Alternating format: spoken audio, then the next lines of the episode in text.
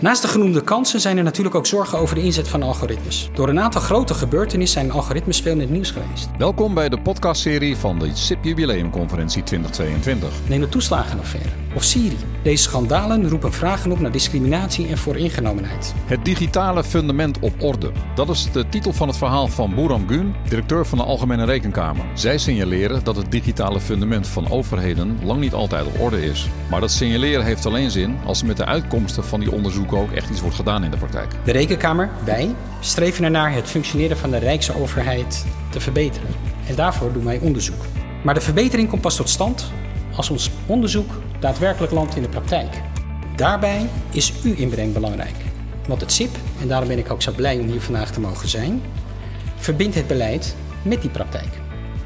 Mijn naam is dus Burhan Gun. Mijn achternaam is wat makkelijker uit te spreken dan mijn voornaam. Eén ezelsbruggetje, u vergeet hem nooit meer. Boer Kees, Boer Piet, Boer Han. Maar dan zonder spatie, want ik ben geen agrariër. Ik ben dus directeur bij de Rekenkamer sinds zeven maanden. En dat is werkelijk fantastisch, want ik mag van alles alles vinden. En dat past wel bij mij. Maar goed, binnen de Rekenkamer heb ik ook een rol. En ik ben dus verantwoordelijk voor het ministerie van BZK.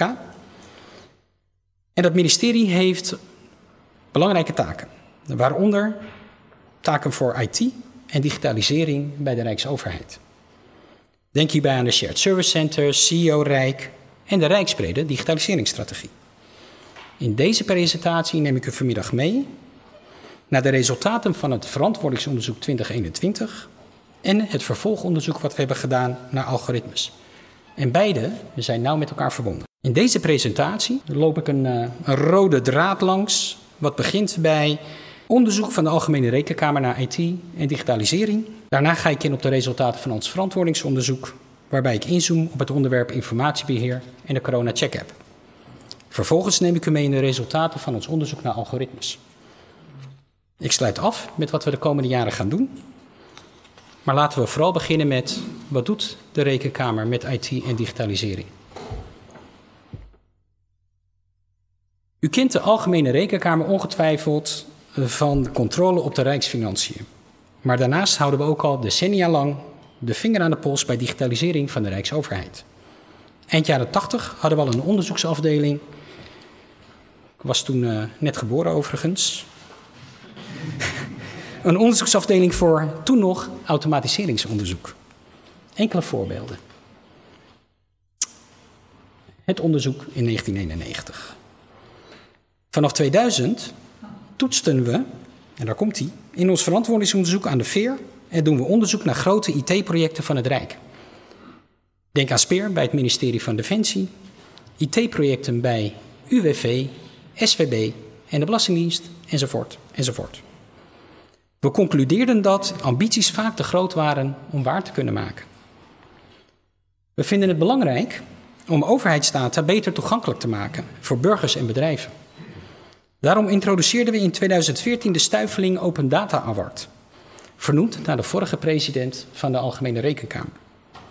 En publiceerden we trendrapporten Open Data.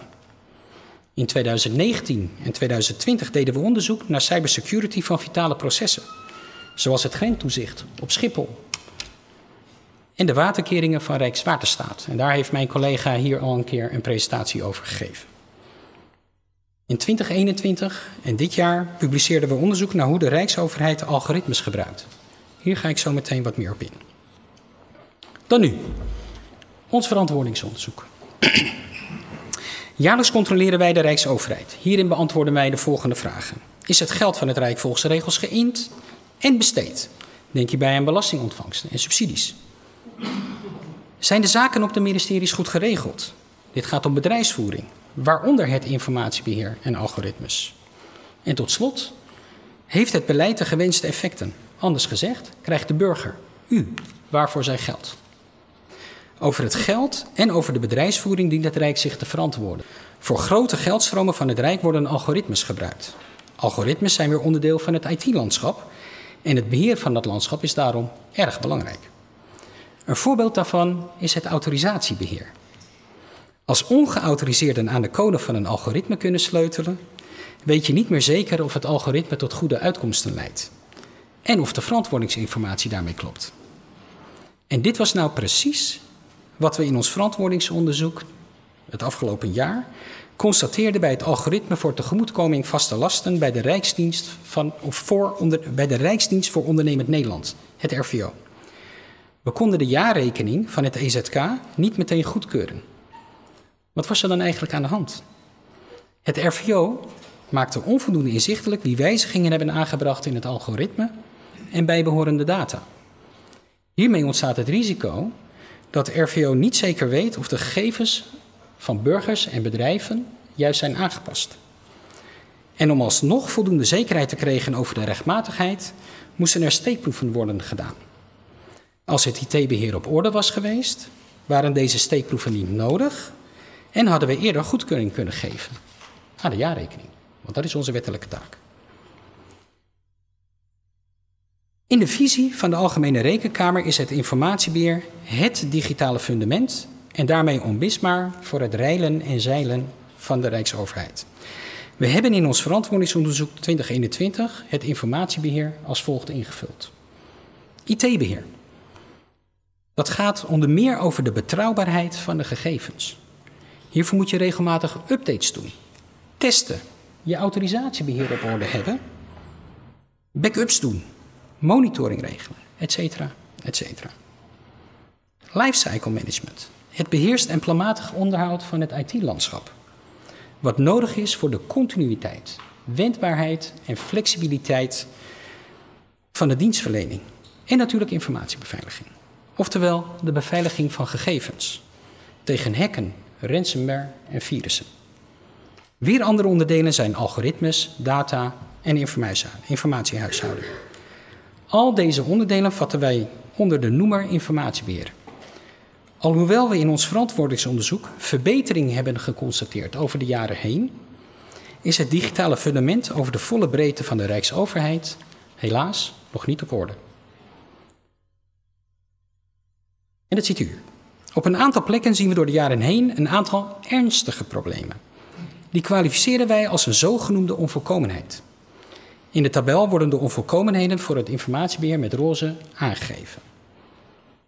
We zien van jaar op jaar een geleidelijke verbetering voor de onderdelen informatiebeveiliging en lifecycle management. Met het IT-beheer gaat het daarentegen slechter. Het aantal onvolkomenheden op dit onderdeel neemt toe. Ik geef u een paar voorbeelden. Bij het ministerie van EZK waren de informatiesystemen voor de coronasteunmaatregelen onvoldoende beveiligd. Bij Duo constateerden we problemen rond de backup en recovery, het continuïteitsmanagement en het wachtwoordbeheer. Maar er gaan gelukkig ook dingen goed. En dat is ook belangrijk om te benoemen. Bijvoorbeeld bij de Corona Check App. Anders gezegd, de u welbekende QR-code. Ik ga niet in op zeg maar de, de, de procesmatige kant van wel of niet inzet. Dit heeft te maken met techniek. Wat vonden wij daar goed aan? De app is ontwikkeld vanuit de principes privacy en security by design. VWS bouwde een digitale snelweg met afslagen en opritten en trapte niet in de valkuil van een centrale database met alle QR-codes daarin opgenomen. Ook is de app open source ontwikkeld met de juiste waarborgen. Ontwikkeling vond plaats op de platform GitHub en wordt de code automatisch gescand op bekende kwetsbaarheden in open source componenten. Wijzigingen in de code worden vervolgens getest, goedgekeurd en notarieel vastgelegd. Overigens zien we bij de Corona Check App nog wel wat ruimte voor verbetering. We zijn immers de Algemene Rekenkamer. Want bij commerciële aanbieders wordt streng gecontroleerd. Bij aansluiting wordt een uitvoerig proces doorlopen. Bij ketenpartners, zoals de GGD en RIVM, voert VWS minder controles uit op informatiebeveiliging en autorisatiebeheer. We zien dan ook dat er een kwetsbaarheid zit in het vertrouwen op de ketenpartners. Wat ons betreft is een betere check op de GGD'en daarom ook hard nodig. Dit wat betreft ons verantwoordingsonderzoek. We hebben veel meer informatie die ik helaas nog niet kan delen, want we hebben de bewindspersonen nog niet geïnformeerd. Dat doen we volgende week. Dus hier hou ik het bij voor wat betreft ons verantwoordingsonderzoek. Mijn tweede hoofdonderwerp was algoritmes en daar start ik mee.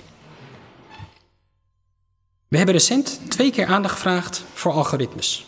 Vorig jaar publiceerden we aandacht voor algoritmes en 18 maart jongsleden het vervolgonderzoek algoritmes getoetst. In ons eerste onderzoek keken we waar de Rijksoverheid algoritmes voor gebruikt. In samenwerking met vele partijen hebben we toen een toetsingskader voor algoritmes ontwikkeld. In het tweede onderzoek hebben we negen bewust gekozen algoritmes aan dit kader getoetst. Wij besteden bijzonder aandacht aan algoritmes omdat deze veel kansen bieden. Zo kan de inzet van algoritmes tijd en capaciteit besparen. Er zijn immers veel minder ambtenaren nodig om alle miljoenen aanvragen te beoordelen. Bovendien zou het veel langer duren om al die beslissingen te moeten nemen. Kortom, door de inzet van algoritmes kunnen taken van de overheid doelmatiger en doeltreffender worden uitgevoerd. Naast de genoemde kansen zijn er natuurlijk ook zorgen over de inzet van algoritmes. Hier ziet u een minimale, zeer kleine selectie van media-uitingen in het afgelopen jaar. Door een aantal grote gebeurtenissen zijn algoritmes veel in het nieuws geweest. Neem de toeslagenaffaire. Of Siri, waarbij algoritmes werden gebruikt om gevallen van fraude op te sporen. Deze schandalen roepen vragen op naar discriminatie en vooringenomenheid. Oftewel bias bij de inzet van algoritmes. Om die reden deden we het afgelopen jaar voor de tweede keer onderzoek naar algoritmes. Eerst even het toetsingskader. Uh, wat is ontwikkeld in, ontwikkeld in het eerste onderzoek? Het is een praktisch handvat waarmee de Rijksoverheid de belangrijkste risico's kan beheersen. Zoals u op de sheet ziet, bestaat het toetsingskader uit de perspectieven sturing en verantwoording, data en model, privacy en IT-beheer. En het vertrekpunt bij deze vier hoekstenen is ethiek. Dat raakt aan alle vier. Tot zover het toetsingskader. In ons tweede onderzoek hebben we deze algoritmes tegen ons kader aangehouden. U ziet de negen uitgekozen, uitverkoren zou ik bijna willen zeggen, algoritmes in de tabel. Ze, ze zijn niet zomaar geselecteerd. We hebben ze namelijk geselecteerd op dat ze ten eerste veel impact hebben op burgers en bedrijven. En ten tweede dat er een risico bestaat dat ze niet op de juiste manier zijn ingezet. Deze negen zijn komen rollen uit een risicoanalyse van ongeveer ruim 300 algoritmes die we hebben bekeken. We hebben niet alleen technisch complexe algoritmes onderzocht, maar juist ook technisch eenvoudige algoritmes. Deze kunnen immers ook veel impact hebben. Verder hebben we zowel algoritmes met gedeeltelijk automatische besluitvorming als algoritmes die puur ondersteunend zijn bij de uitvoering van beleid gekozen.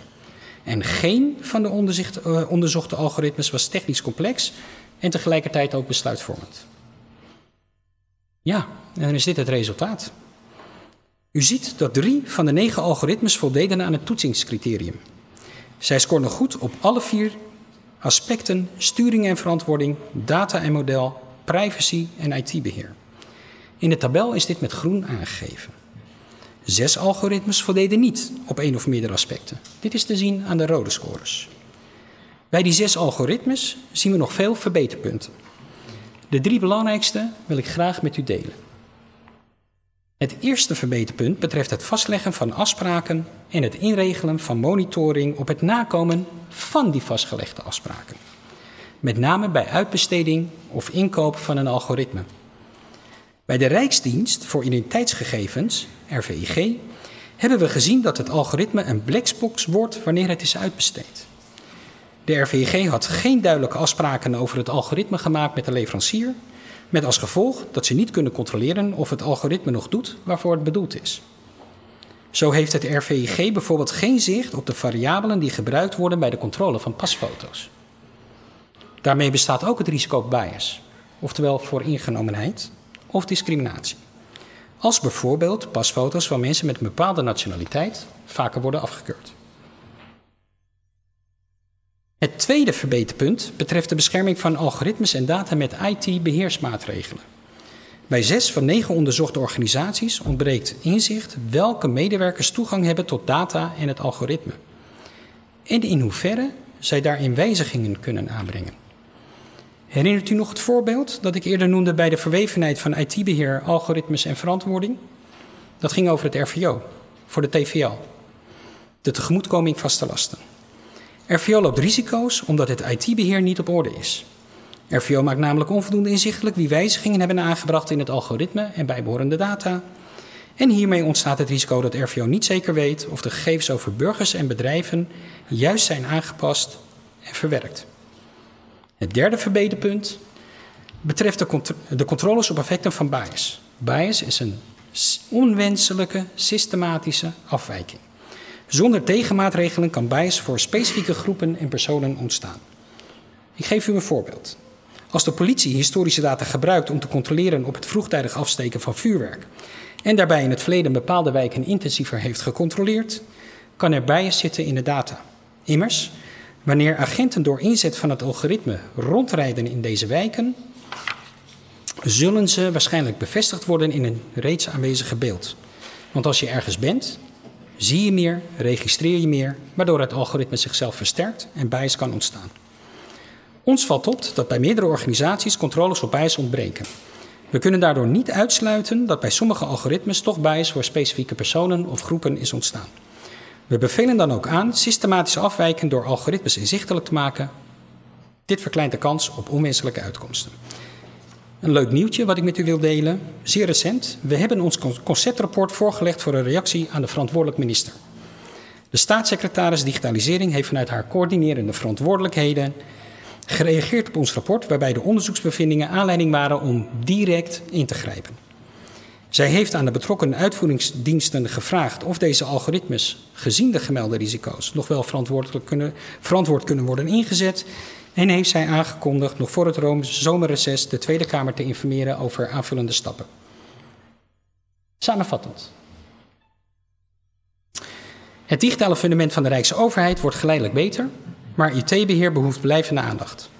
Te meer omdat de digitalisering van de Rijksoverheid verder zal toenemen, waaronder het gebruik van algoritmes. De inzet van algoritmes biedt veel kansen, maar moeten wel op verstandige wijze worden ingezet.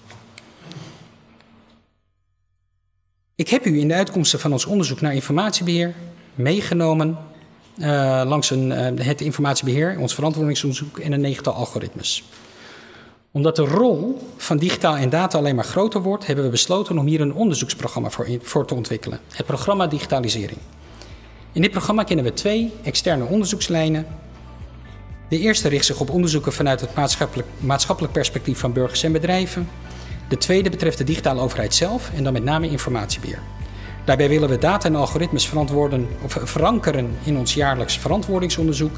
Ook kennen we hoe financial audit en IT audit zijn verweven en wat dat betekent voor onze oordelen. En uiteraard volgen wij hoe de staatssecretaris gaat inspannen voor een zinnige, zuinige en zorgvuldige digitale overheid.